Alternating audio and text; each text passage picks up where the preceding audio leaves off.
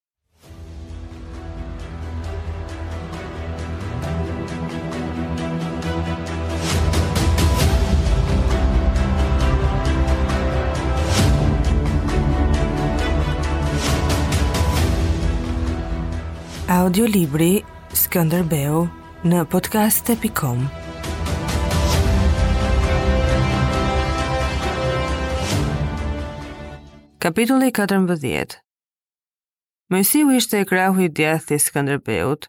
Hamza Kastrioti ishte hija e tij që i mbulonte krahët në çdo hap dhe i bindej pa kushte. Ai ishte trashëgimtari. Kështu kishin qenë punët deri kur lindi Gjoni i vogël. Pastaj hija e Hamzait filloi të shkiste nga viti në vit. Skënderbeu kërkonte më kot rrugët e vjetra që do ta çonin në shpirtin e nipit. Ai ikte nga duart dhe bëhej i pakapshëm si uji, ku thyhet drita dhe figurat nuk qëndrojnë.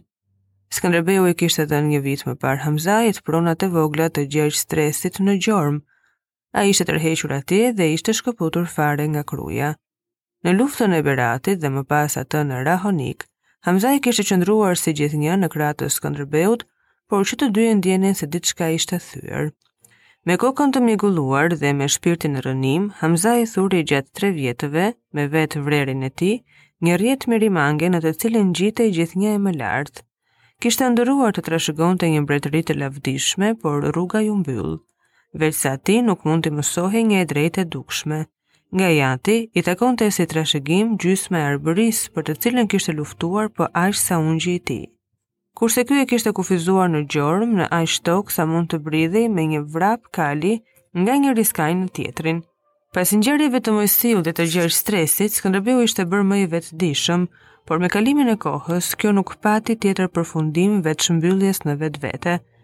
Ndërsa çmonte në shkallën më të lartë spiunazhin e jashtëm dhe i kushtonte këtij një pjesë të kohës, i dukej e padenjë të merrej me gjurmimin e brendshëm, sidomos në rrethin e tij.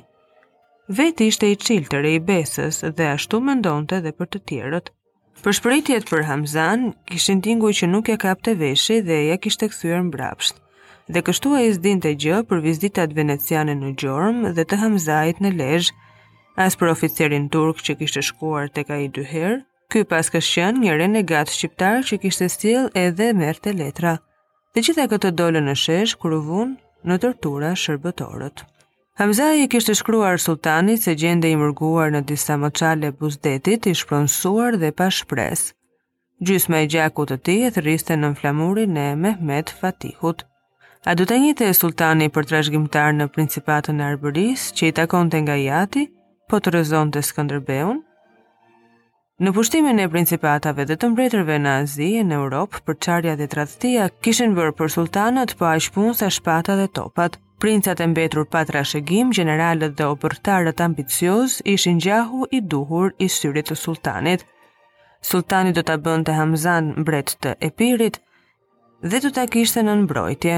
Porsa mori këtë përgjigje, Hamza i hipi kalit dhe u nis drejt qendrës ku duhej të ishte madhështia, i bindur se mbante me vete drejtësinë dhe i vendosur të mos bënte asnjë gabim qesharak të Mojsiut.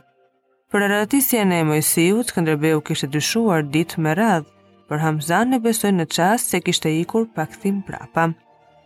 Në kryeqytetin e ri të perandorisë, Hamzan e pritën mirë, Kujdesi që u tregua për të buronte nga një vullnet epror. Ditën e tretë e thirri veziri i madh e pyeti e dëgjoi dhe i tha se ankimi i tij do të shqyrtohej.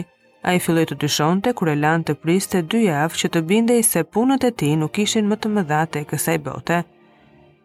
Krejt papritur, e thirrën të shkonte një ditë tek sulltani që do të gjykonte ankesën e Hamza Kastriotit ndaj ungjit. I sigur se i erdhi ora, gjithë shpresë dhe me zgjidhje të gatshme në mendje për të parashtruar, Hamzai arriti te porta e lartë ku e priste mjeshtri i pritjeve në divan. Ata ecën në kalldrëm përmes oborrit të madh me drunjë të mëdhenj, në të djathtë ishin ndërtesat me harqet e rojeve, në të majtë banesat e gjata,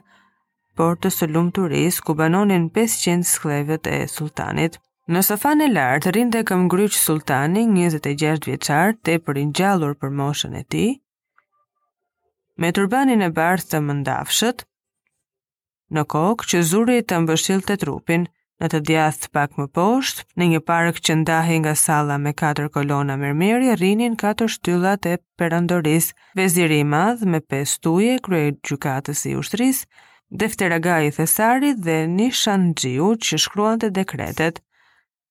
Në gjysmën tjetër të sallës rrinin agallarët e portave, agai i jeniçerëve, agallarët e ushtrisë që të gjithë me rroba të kuqe flakë, secili në vendin që i caktonin kanunet e Mehmetit. Në atë divan hijerëndë ku ushtonte zëri ndahej jeta nga vdekja, lumturia nga fatkeqësia me një fjalë të vetme me një lëvizje të krahut.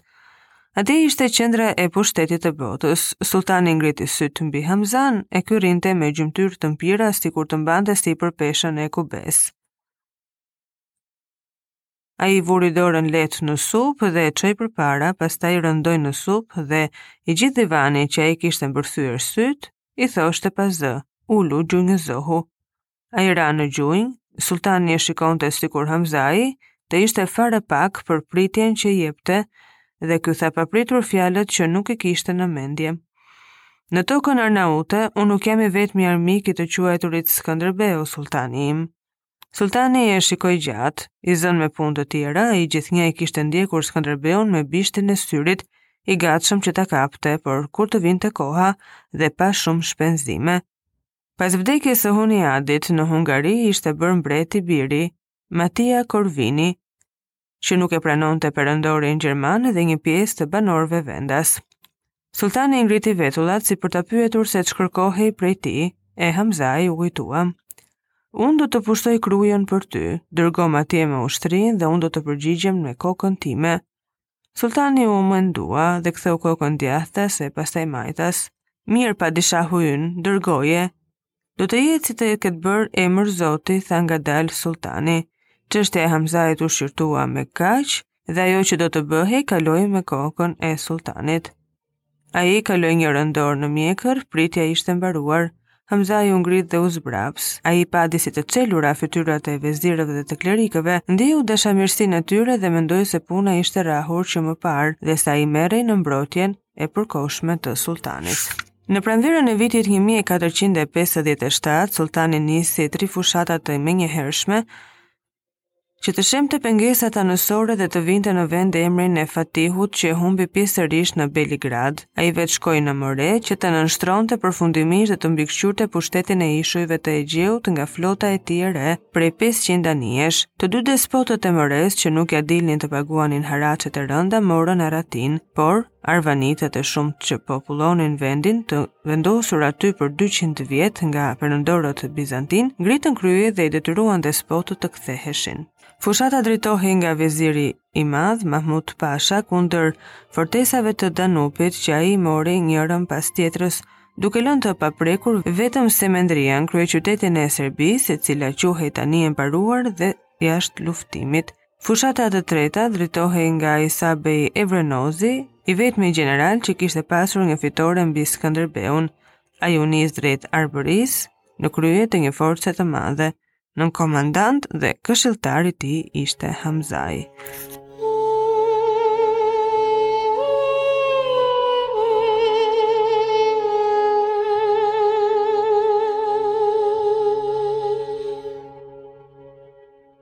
Audiolibri Skënderbeu në podcast.com